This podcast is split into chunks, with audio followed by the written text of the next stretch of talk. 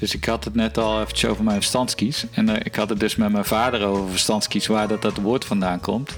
En toen zei hij van het is eigenlijk gewoon letterlijk de verstaand, ver in je mond staande kies. Oh ja, ja. Dus dat leek me eigenlijk heel logisch. Maar toen dacht ik, dan ga ik daar toch even factchecken. Want hij kan het nou wel zeggen. Maar is- misschien is het wel allemaal fake news.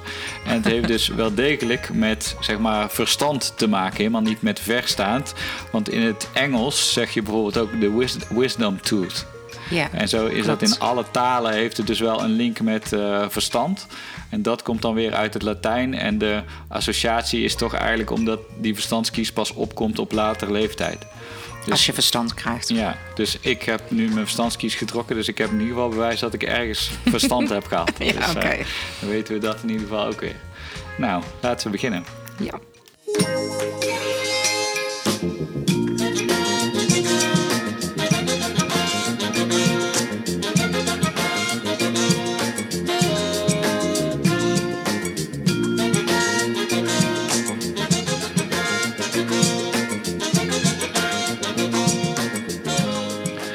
Daar zijn we weer. Aflevering 14 van Current Obsessions en of andere zaken die aandacht behoeven. En ik zit hier tegenover Nancy. Eh, je hebt de primeur, want je bent de eerste vrouwelijke gast in eh, de show. Oh, ja. Ehm, eh, en ik stel eigenlijk nieuwe mensen altijd de vraag: wat heb je de afgelopen periode gezien, gelezen of gehoord wat interessant is? Nou ja, ik las eh, toevallig gisteren iets heel interessants. Of nou ja, interessants. Het verbaasde mij nogal. Ik had er namelijk nog nooit van gehoord. Maar eh, als ik tegen jou eh, zeg, Piotr bukte in het bos, trok het uit de grond en likte eraan. Waar denk je dan aan? Ehm, ik denk dat ik het weet. Ja? Eh, ik denk dat het over paddenstoelen gaat. Ja, het gaat over paddenstoelen. Ik las dus in een artikel dat het plukken van paddenstoelen in Polen ehm, volkshobby nummer één is. Oké. En zelfs ook eh, onder jonge mensen. Dus dat verbaasde mij wel dat mensen echt, eh, stedelingen vooral, eh, jonge, hippe mensen van onder de dertig, hè, de Insta-generatie zoals in het eh, artikel stond. Mhm. Dus kilometers ver van de stad afreist om ehm, paddenstoelen te zoeken in het bos. Maar dit gaat dan ook over gewone paddenstoelen. Niet, we hebben het niet per se over hallucinerende paddenstoelen. Nee, nee, daar hebben we het niet over. Nee, paddenstoelen die je zeg maar in gerechten kunt verwerken. En in het najaar eh, trekken dus hele volkstammen erop uit om eh, die paddenstoelen te verzamelen. Ja? Eh, dus ik dacht, oh, laatst hoorde ik namelijk in Nederland dat het verboden is om dingen mee uit het bos te slepen. Eh, paddenstoelen, maar ook andere dingen, dat je daar zeg maar, zware boetes voor kunt krijgen. Maar ik dacht, nou, dat vinden ze dan in Polen niet. En toen las ik ook dat er een, ehm, een politica, eh, rechts, eh, ultra-rechtse politica op de foto stond eh, met een mandje paddenstoelen. En ook uithaalde naar Frans Timmermans als uh, Europarlementariër.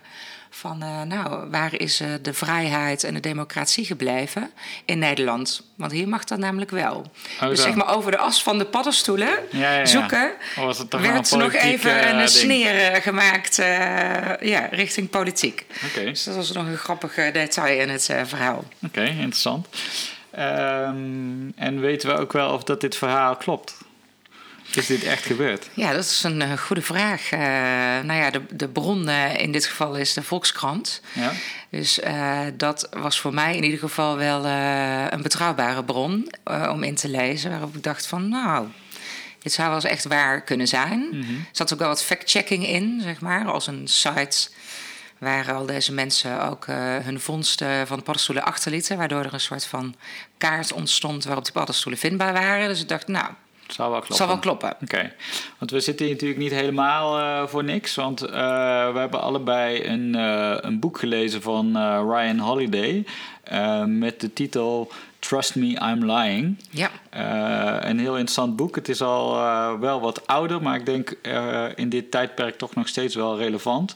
Ehm, de ondertitel is A Playbook for the Dark Arts of Exploiting the Media. Ja.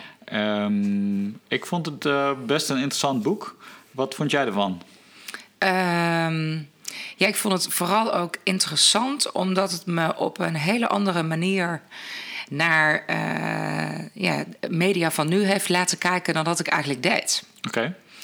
En dat zat hem vooral in dat ik me nooit zo had gerealiseerd, terwijl ik zelf heel veel bezig ben met online marketing en adverteren en content maken, dat uh, de impact zeg maar, van um, het maken van content en het businessmodel wat daar eigenlijk onder ligt. Hè? Dus mhm. het, dat, dat heel veel inkomsten voor de media-exploitanten gerealiseerd worden, natuurlijk uit uh, advertenties. Ja. Dat, hoe dat dus impact heeft op welke content er wordt gemaakt en wat je dus als lezer um, te zien krijgt. Mm Dat het eigenlijk gedreven is vanuit een uh, ja, businessmodel van media-exploitatie. Ja. En daar, uh, dat vond ik vooral interessant aan, omdat dat denk ik echt is wat anders is ten opzichte van uh, hoe media als traditionele kranten vroeger functioneerden met een best wel strakke, strikte scheiding tussen redactie en commercie. Ja. En dat die scheidslijn eigenlijk een soort van vervaagd en in sommige gevallen volledig verdwenen is. Ja, want voor, voor mij heeft het boek inderdaad een soort van twee, twee delen. Enerzijds heeft hij een soort praktische aanpak hoe hij zeg maar, de, de media bespeelde. Ja.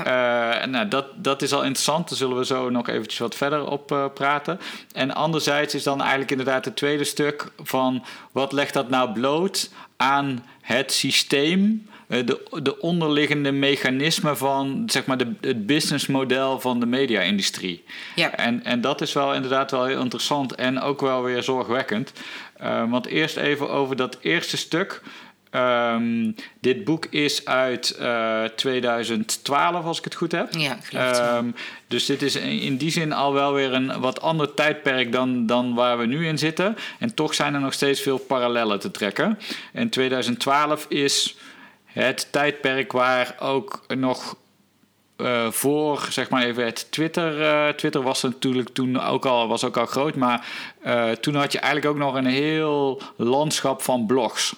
Ja. En um, eigenlijk is zijn strategie denk ik het best samen te vatten als uh, trading up the chain, zoals hij dat noemt. Waarbij hij dus eigenlijk de blogs gebruikt uh, om eigenlijk st naar steeds geloofwaardige media te komen met zijn nieuws. Ja. En daar zit al iets in van wat jij net noemde in, oké, waar worden die blogs door gedreven? Ja. Uh, ja, daar, daar is nieuws natuurlijk een product geworden. Uh, en de concurrentie, zeg maar, tussen bijvoorbeeld een Volkskrant online, wat we dan meer zien in de hoek van de traditionele media, die vanuit natuurlijk een krant naar online zijn gegaan, en de blogs die echt op het ja, online domein zijn ontwikkeld.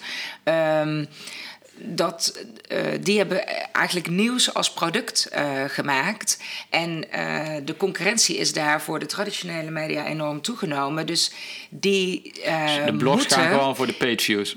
Ja, en die moeten, maar die traditionele media moeten daar natuurlijk in mee, dus die hebben die content nodig. Ja. Dus dat maakt ook dat dit mechanisme is gaan werken, en nog steeds werkt, denk ik, omdat die contentgenerators, uh, uh, die voeden ook die, wat wij dan zien als meer betrouwbare, traditionele, gevestigde ja. mediamerken. Ja, want één concreet voorbeeld wat hij aanhaalt. Hij is, de, de schrijver Ryan Holiday was marketingmanager van American Apparel, die ja. kledingmerk. Daarna is hij bij een PR-firma gaan werken.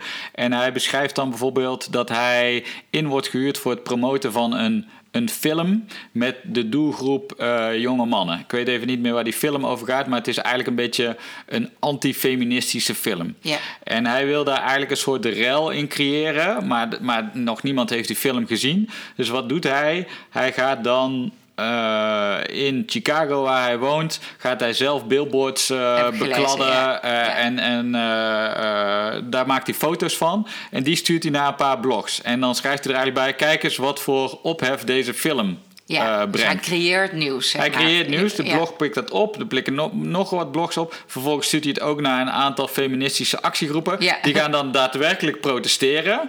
En van daaruit komt het in gevestigde kranten. Dus dat is ook een beetje die concurrentiestrijd die jij beschrijft tussen die de blogs die eigenlijk niet zo aan fact-checking hoeven te doen, maar wel de pageviews pakken. Ja. En vervolgens kunnen de gevestigde media het eigenlijk niet meer negeren. En dan nemen ze het ook maar over. Ja, terwijl ze eigenlijk dus ook niet factchecken. Waar Nee. komt het nieuws van, eh, vandaan? Hè? Hoe is het ontstaan? Ja. Eh, en daar zie je dus wel de verschuiving van traditionele PR naar deze vorm van PR. Waarbij traditionele PR veel meer ging om aandacht te vragen voor een onderwerp. Mhm. Maar hier wordt eigenlijk aandacht gevraagd voor een onderwerp wat zelf is gecreëerd. Ja, ja. Dat is wel werkelijk anders. Waarbij ehm, ja, je kunt afvragen: is dit dan fake nieuws? Ja. Ja, dus ja, dat is inderdaad nog wel. Dit is dus. eh, dit zit een beetje op het. Ehm, eh, scheidslijn tussen PR en, en vals gegenereerde PR. En, Ja. en als je dat nog verder doortrekt, kom je misschien wel op fake news. Ja. Want Dat is natuurlijk. Eh, in 2012 was dat nog niet echt een topic. Eh, nu is dat, dat 100% eh, een topic. Ja, in het licht daarvan wordt, wordt dit boek ook wel gezien, hè? Eigenlijk van, ja, je creëert dus nieuws. Ik had, ik had er is. wel een soort rare afdronk bij dat ik wel dacht van ehm, eh, hij. Een andere ondertitel is Confessions of a Media Manipulator. Ehm, en ik dacht wel, wat moet ik nou van deze gast vinden? In de zin dat hij aan de ene kant een onmiskenbare trots heeft op alles, hoe dat hij de media heeft weten te bespelen, hoe dat hij zijn resultaten heeft weten te boeken voor de. Ja. Dus, en nou, nou, dat brengt hij ook zo. En vervolgens zegt hij eigenlijk, oh, en kijk dan eens hoe slecht de media is. Terwijl, ja, dat, dat Ja, hij ergens een gebruikt beetje. eigenlijk wat hij slecht heeft gedaan om vervolgens daar weer een verhaal, eh, Ja. zijn verhaal op te vertellen, mee te vertellen. Ja. Ja. ja. Nou, en wat ik ook nog wel een interessant inzicht dus vind, is dat ehm, ehm, hoe dit, deze manier van nieuws maken. eh, maar, en dat naar blogs brengen, of maakt niet uit naar welke platformen. Maar ehm, dat de platformen natuurlijk ook de afhankelijkheid hebben van de advertentieinkomsten. En Ja. daarom dus ook dit nieuws overnemen. Sterker nog, het werkt ook andersom. Heel veel nieuws wordt natuurlijk door eh, mediapartijen gemaakt. Eh, omdat het aansluit bij een, bij een lezerspubliek, wat interessant is voor adverteerders. Ja. Dus er wordt heel veel gecreëerd eh, wat niet feitelijk gebeurt, Nee. Als het ware. Ja, het- Daar raak ik van in de war. Als Ja. ik dat lees, dan denk Ja. ik, oh, oké. Ja, ik, ik had ook wel een soort eh, naïef beeld bij media. En Ja. dan met name nog nieuwsmedia. Eh, Dus, dus laat ik zeggen, oké, dus ik heb altijd wel begrepen dat als je een tijdschrift maakt, dat je dat doet om zoveel mogelijk lezers te trekken. Want Ja, dan heb je dat is niet nieuw, Dat, is- prima. Eh, maar datzelfde geldt natuurlijk net zo voor kranten en, en ook eh, nieuws op het journaal. Ja, En ik heb, misschien is dat naïef, maar nog wel altijd een beetje het beeld van journalistiek als de hoeder van de democratie. Maar het is gewoon een bedrijf wat drijft op adver- advertentieinkomsten en dus precies. ook drijft op, op eh, controverse. Ehm, en ehm, eh, ja, relletjes scoren. ja. Dus, dus Hoe ook, meer aandacht, hè? De schreeuw om aandacht Ja. is natuurlijk veel groter geworden. Eh, om het publiek. Er zijn meer kanalen gekomen. Er is een overload aan Ja. content. En ik Dus, was maar ja. eigenlijk van plan om het woord eh, Trump niet te gaan noemen in deze podcast. maar je kunt er in deze aflevering Ja. niet omheen. Maar ik heb ook wel eens een quote gelezen van, volgens mij was het de, de, de, de directeur van CNN, eh, of, of nee, NBC was het, dat Trump was de grootste zegen voor zijn mediabedrijf. Omdat dat, ja, die, die creëert natuurlijk Nieuws, continu eh, eh, ja. controverse en daarmee nieuws. En, Ja. en enorme inkomstenstijging. Ja, Dus dat is dus ook ik denk dat dit zijn businessmodel is. ja, in a Ja, way wel. ja. Maar ik bedoel, dus Ja. ook weer dat ik dacht... oké, waarom hebben we dus eigenlijk eh, dat we... die media die zijn zo belangrijk voor hoe een maatschappij functioneert... hoe we over dingen denken, et cetera. En dat hebben we dus voor de volledige 100% geoutsourced naar de markt. Altijd al. Terwijl Ja. bijvoorbeeld bij zorg heb, heb je dan nog wel eens discussie van kunnen we dit wel privatiseren? Moet je dit wel privatiseren? Maar als het gaat over de media-industrie, dan hebben we eigenlijk die discussie helemaal niet. Nee, omdat we dan vinden dat het om vrijheid van meningsuiting gaat. Hè? En Ja. dat je niet wil dat een overheid de media controleert. Dus Nee. dat moet onafhankelijk zijn. eh, iedereen moet kunnen zeggen wat hij wil. Ja. Alleen wat, eh, er is wel een verschil tussen kunnen zeggen, denk ik, wat je wil. En dat ook aan grote groepen mensen doen. Hè? Want dat is wat, waar dit natuurlijk over gaat. Is niet één op één. Het is meteen voor een groot publiek. Ja. En ehm, wat daarbij natuurlijk ook de afgelopen jaren gaande is, is dat technologie, dus eh, eh, lees algoritmes, eh, gaan bepalen wat je dus wel en niet ziet op basis van je gedrag. Ja. Dus dat je ook eenzijdig ehm, eh, nieuws krijgt en andere soorten content krijgt aangereikt. Ja. Gebaseerd op de slimmigheden van algoritmes. Maar dat wil, ja, waardoor je dus ook eenzijdig een wereldbeeld ehm, eh, kunt ontwikkelen. Ja. En misschien is dat ook wel wat er gebeurt in de polarisatie die je ziet ontstaan. Omdat je steeds gevoed wordt met een soort van dezelfde denkbeelden. Eh, die alleen maar bevestigen wat je misschien ook wel al een beetje dacht. Ja. Ehm, Iedereen, elk ja. kamp graaft zich steeds dieper in, omdat hij gevoed wordt door, door de eh, argumenten van de, de gelijkdenkenden. Precies. Ja, dat is wel een hele gekke. Ehm, ik wil nog heel even terug naar wat je net aansneed. Ehm we hadden het over het boek van Ryan Holiday eh, en dat hij zeg maar nepnieuws creëert vanuit een bepaald PR-oogpunt. Ehm, dat is één kant van het spectrum. Aan de andere kant van het spectrum heb je wat er nu in de politiek gebeurt, waarbij gewoon eh, keiharde leugens worden verspreid over Amerikaanse presidentskandidaten, waarbij heel doelbewust gewoon echt keihard wordt gelogen. Ehm, ik heb wel het idee dat dat eh, vooral in Amerika speelt, vooral gevoed wordt door advertenties. Ehm, maar ik wil even kijken van oké, hoe zitten we daar als Nederland in? Hebben we in Nederland een situatie qua fake news zoals Amerika? Of zit, dat, is, zit daar een grijs gebied? Ja, ik eh, kan zo geen voorbeeld bedenken waarvan ik denk eh, fake nieuws. Wat je, vind ik, wel ziet, is da dat daardoor eh, discussies binnen, of eh, ja, discussies weet ik niet of het juist wordt, maar in ieder geval echt binnen de politiek ehm, ook eerder polarisatie ontstaat en dingen heel snel worden opgeblazen tot iets groots. Hoe bedoel je? Ehm, nou ja, je, omdat media ook wel steeds op zoek zijn natuurlijk naar dat nieuws en onderwerpen vanuit een bepaald perspectief belichten omdat het dan interessant Ja. is voor mensen om te lezen of te horen. En daarmee ehm, ja, de discussie misschien op een verkeerde manier of niet altijd constructief wordt gevoed. Maar dat is, dat is nog een andere as, denk Ja, ik. dat is een andere as. Dat is dus- sensatie. ja, dat is meer sensatie. Dat is En- wat ik wel zie. Dus dat is wel wat je ziet gebeuren met Ja. marges die onder druk staan. Dat zij sneller, Ja. zelfs ook de kwaliteitskranten die Ja. ook die sensatie nodig hebben. Ehm, volgens mij zit het in Nederland eh, tussen, tussen de PR en de echte fake news in. Neem eh, de Telegraaf, die bericht over klimaatverandering. Ehm, dan kun je zeggen: ik kijk naar wat 95% van de wetenschappers zeggen over klimaatverandering. Maar je kunt ook zeggen: ik citeer een van die 3% andere wetenschappers die klimaatverandering ontkennen. En ik breng dat op de voorpagina. Dus eh, een quote, eh, emeritus hoogleraar eh, klimaat X zegt: het valt allemaal wel mee technisch gezien heb je dan geen fake news, want je hebt daadwerkelijk iemand die dat zegt. Het is een fact, Het is ja. alleen wel dat 98% van, de, van zijn collega's zijn het niet met hem eens. En, en dat maakt het in Nederland vind ik nog wel bijna ongrijpbaarder dan in Amerika. Omdat je dan, kijk, als je gewoon concreet aan het liegen bent, dan da- daar bereik je ook heel veel mee, want je zaait verwarring, et cetera. Maar dan kun je nog op een soort objectieve Ja. manier onderscheiden. Dit is gelogen eh, met deze doelen.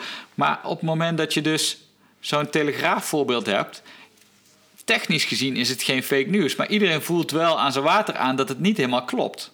Ja, En ehm, daar heb je ook een hele grote groep die zich dan wel herkent. Want die denken, ja, het valt dan wel mee met de klimaatverandering. En kijk eens, hier er zijn nog wetenschappers eh, met mij eens ook. Dus je, je creëert dan helemaal een soort schimmig uh, en je laat een eenzijdig perspectief uh, laat je horen. Ja, is dat, heel veel, is dat heel erg veranderd nu in het hele speelveld? Ik denk dat dat altijd wel zo is geweest. Dat bepaalde stromingen een bepaald perspectief vooral willen laten zien. Alleen omdat je nu natuurlijk heel veel kanalen hebt het is wat, wat activistischer Ja, het is activistischer, maar ik denk ook Telegraaf vooral... heeft dat altijd wel gedaan. Ja, hij heeft dat altijd gedaan. Maar ik denk dat het vooral ook het activistische voortkomt uit het feit dat het steeds lastiger wordt om iets nieuws te brengen en, en lezers daarmee uh, ja. uh, ook, ook vanuit uh, de situatie waar die 25 jaar geleden was had je uh, vier uh, tv-netten en uh, tien kranten. Yep. En nu heb je die nog steeds, maar daar staan nog duizend andere nieuwsbronnen over. En, en ja. het advertentiegeld en de aandacht kan maar één keer worden uitgegeven. Dus, ja. dus dat holt, holt zichzelf uit. Ja. En ik denk ook wel met uh, de zendtijd die iedereen heeft gekregen hè, nu. Dus je kan natuurlijk. Je kan gewoon individu, een podcast maken. Ja, je kan gewoon een podcast maken en iedereen kan iets roepen. Uh, en uh, als je dat framet, ook denk ik in een bepaald perspectief. Je zag dat bijvoorbeeld ook wel, of zie je nog steeds wel gebeuren met alle food, uh, foodies, alle foodbloggers mm. en alle. Weet je, heel veel is natuurlijk gewoon niet wetenschappelijk onderbouwd. Of nee. nou, in ieder geval Hè, klopt het feitelijk dat het beter is om dit te eten of dat te eten of dit te verwerken in een gerecht? Maar uh, het wordt wel gebracht, uh, geframed ja. als. En als consument kun je niet alles nee, gaan je kan dat niet. En nee. Dat, nee, dat onderscheid zie je niet. Dus in die zin uh, kan, kan, het wel, en dat is hetzelfde bij jou, met jouw voorbeeld van de Telegraaf en klimaatverandering, is het wel misschien wel misleidend. Het is maar niet dus, zozeer fake, dus, maar. Dus eigenlijk ja. het, de onderliggende dynamiek van de drijver achter fake news het zijn volgens mij eigenlijk twee. Eén is een menselijke hang naar sensatie. Ja. Daar gaan we gewoon lekker op. Dat is gewoon evolutionair ingebakken. Dus daar gaan we niet heel veel tegen doen. Anderzijds heb je dus dat uh, kranten en websites, media uh, zijn gedreven op advertentiegeld. Precies. Dus ja. pageview honger. Wat ik me dan afvraag is... Wat ik gek vind is, dit zie je dus in media... Aan de andere kant zie je nu bijvoorbeeld, nou, neem Netflix, Disney Plus, uh, Apple Music, uh, Spotify. Daar zie je heel duidelijk een betaald abonnementsmodel opkomen. Waarbij je dus Ja. in het geval van Netflix of Spotify krijg je geen advertenties meer. Uh, maar de lezers of de luisteraars die betalen. En dus heb je als mediabedrijf een incentive om gewoon kwaliteit te leveren. Want je hoeft niet meer page-view honger te hebben. Nee. Um, waarom zien we dat dus wel als het gaat over films, tv, uh, muziek? En zien we dat, vinden we het nog heel gek om te betalen voor nieuws? De, je zou eigenlijk toch nu, kijk, de correspondent is in ja. Nederland een, een, een, abonnementsmodel gedreven, maar dat is, dat is een soort ultieme niche. Die hebben, ja. die hebben 60, uh, ja. 60.000 leden. Blendel probeert ook weer inkomsten uit betalende lezers te genereren, maar het is ook nog steeds ten opzichte van de miljoenen die verdiend worden in de media-industrie marginaal eigenlijk. Ja, ja ik denk, uh, weet je, het, het heeft natuurlijk het, te maken met het feit dat er alternatieven zijn. Hmm. Als ik uh, niet uh, me abonneer op nieuws en daar, daar niet voor wil betalen, wekt alles om mij heen nog steeds de indruk dat ik het overal wel gratis kan halen. Ja. Dat is met filmcontent natuurlijk echt anders. Ja, precies. Dus, dus, dus ook het is meer beschermd, denk ja, ik. Je hebt daar minder partijen. ja, dus, dus je hebt maar, ook al heb je 30 tv-zenders, wat, wat veel meer is dan 20 jaar geleden, waar je nu ook, ook dat zorgt voor een soort kwaliteitsreductie. Maar dat is 30 is nog steeds heel weinig vergeleken met 30.000 nieuwswebsites. Ja. Uh, dus, dus daar zit inderdaad wel. Er kan altijd iemand soort van lager gaan of, of uh, weet ik veel, eronder, eronder duiken. Ja, de vraag is hoe dat er natuurlijk over een aantal jaren uit zal zien. Ja, maar je zou toch ergens ook denken dat, uh, dat wij als consumenten op een gegeven moment ook denken... weet je wat, ik ga gewoon weer eens betalen voor mijn nieuws. En heb dan ik al die andere shit niet. Heb ik al ja. die andere shit niet. Ja. En aan de andere ja. kant zal dat misschien ook nog steeds maar een soort kleine groep zijn en blijft de massa gewoon denken: prima, mix nieuws met entertainment, het zal allemaal wel. Ja. Maar de gevolgen zijn natuurlijk enorm. Ja. Als, je, als je bekijkt, eh, nou, Trump is er mee aan de macht gekomen. Die hele Brexit was er ook niet gekomen als dat die kranten niet zo eh, op die schandalen en, en eigenlijk de, de ongefundeerde uitspraken van die politici hadden geprint. En toch is dat wel gek dat we daar als maatschappij niet echt tegen in actie komen. Hè? Want we zitten allemaal in een soort tijd van onbehagen. Wat is er aan de hand? Eh, de onvrede, hoe vindt hij zijn weg? De leugen regeert. En toch, ja, de media-industrie zeggen we eigenlijk allemaal van... ja, dat is nou eenmaal wat het is. En vrijheid Ja. van meningsuiting en prima. Maar we stellen het heel weinig eh, ter discussie.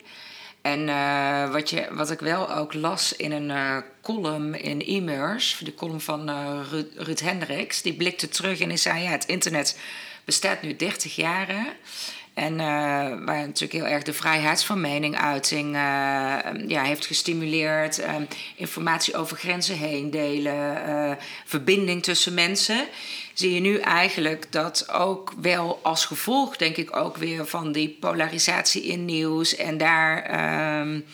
Ehm, ja, dingen ook opblazen, omdat het dan eh, nieuwswaardig aantrekkelijk is.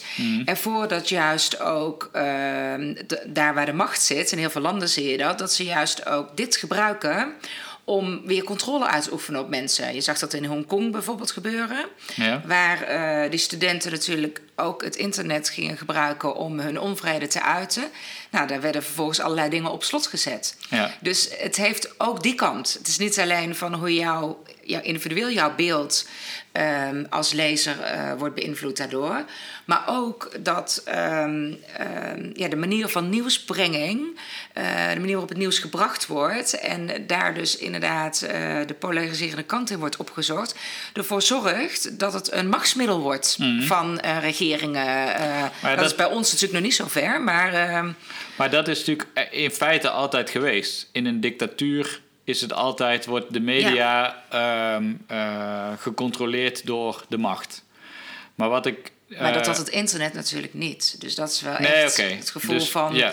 ik kan over grenzen heen Ja. laten zien wat hier gebeurt. Ja, maar dat is misschien dus nu ook wel de, de, de Trump-methodiek. Dus dat hij eigenlijk denkt: oké, ik ben niet meer in staat om de media te controleren, want internet en mensen hebben eh, altijd toegang tot. Ja. Weet je wat ik doe?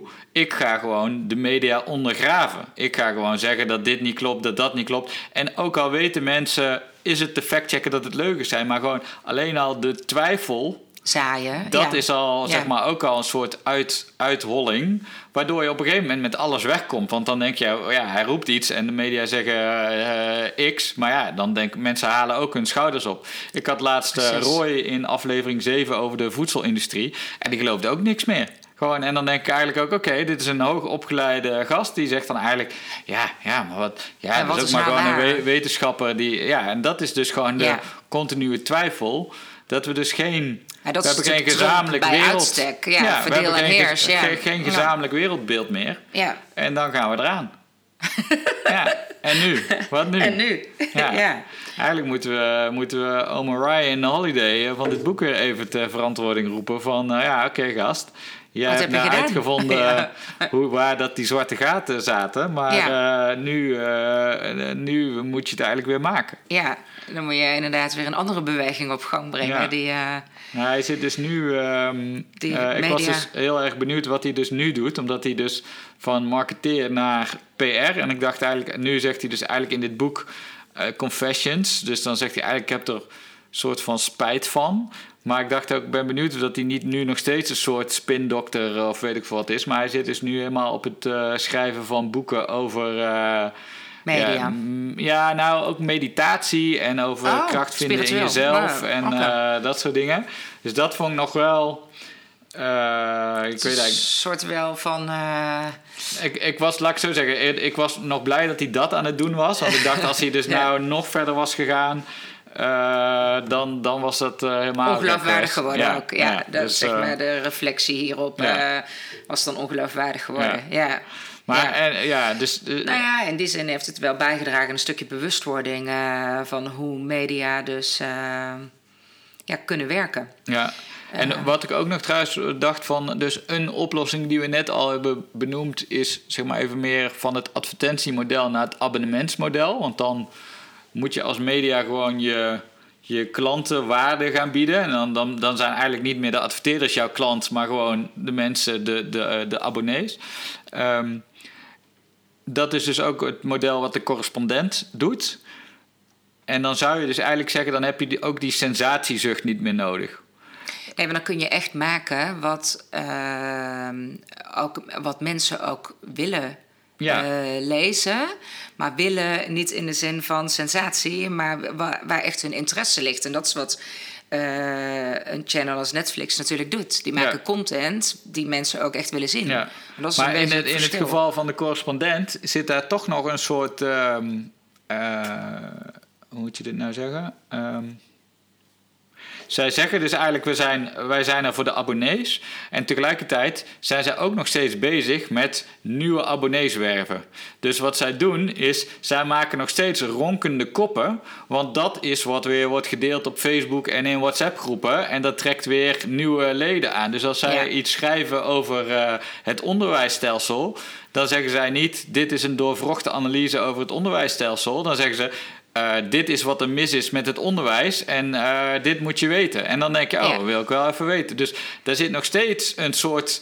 eh, ja, want ik denk dat ze daarin nog te veel de mechanismes gebruikten uit, ja, uit, de traditionele oude dingen. Ja. wereld. En dat is wat Netflix is daar zeg maar meer disruptive geweest. ja. Door echt, het echt heel anders te gaan Ja. doen. Ik denk overigens wel dat ook het succes eh, van podcasts, hè, Mhm. wat je nu heel veel ziet ontstaan, ook binnen merkstrategieën en op allerlei fronten, wel het succes daarvan te wijten is aan ehm, eh, dat mensen het nieuws steeds meer onbetrouwbaar gaan vinden en dus dingen niet meer geloven. Omdat in podcasts treden natuurlijk gewoon mensen op die een verhaal hebben, die het ergens over hebben. Ja, dat, daar kan je niet zo heel veel onbetrouwbaar aan vinden.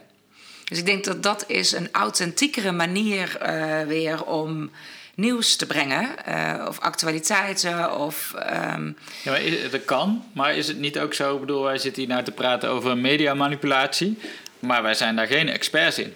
Nee, Maar wij brengen het wel alsof we gewoon denken, nou, dit is, dit is een beetje hoe het zit, beste oh, mensen. vind je dat? Nou ja, nee, maar dat is natuurlijk het gevaar wat je dus hebt. Je hebt dus eigenlijk Ja. weer, zoals je vroeger drie journaals Ja. hebt, heb je nu Ja. 3000 journaals. Ja, dat is met podcast, trekt dat natuurlijk ook weer door. Dus het is, het is aan de Ja, ene... maar het heeft minder de schijn van eh, feitelijk onderbouwd. Omdat het, ge- dat, dat het heel is. duidelijk een gesprek is. Ja. En een, over een mening of een beschouwing is Ja. van mensen. Ja. Eh, dus ja, er kan heel weinig fake aan zijn. Tenzij ik eh, hè, in een podcast probeer een product te gaan verkopen of zo. Ja.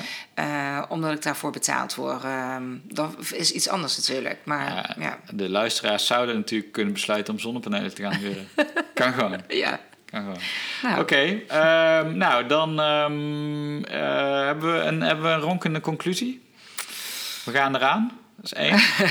Eh, we moeten overstappen naar eh, weer betalen voor dingen. Want dan, dan ben je zelf de klant. Ja, en eh, ik denk ook wel eh, eh, kritischer zijn nog in wat je ziet. En niet alles zomaar aannemen ehm, Ja. voor waar. Omdat het gebracht wordt door ehm, Ja. een, een medium wat zegt nieuws te, Ja. te brengen. Weet je? Dat- Ja, ik denk dat we. Ik wil afsluiten met een oproep aan onze luisteraars. We hebben allerlei dingen gezegd. Misschien waren er ook wel dingen niet waar. Maar beste luisteraar, wees kritisch. En vind de leugens, vind het fake nieuws in deze aflevering. Eh, mail het, uh, christkolen.gmail.com, app het, stuur een tweet, doe iets. Doe iets, luisteraar. Wij, wij leunen op jullie. Tot volgende week. De groeten.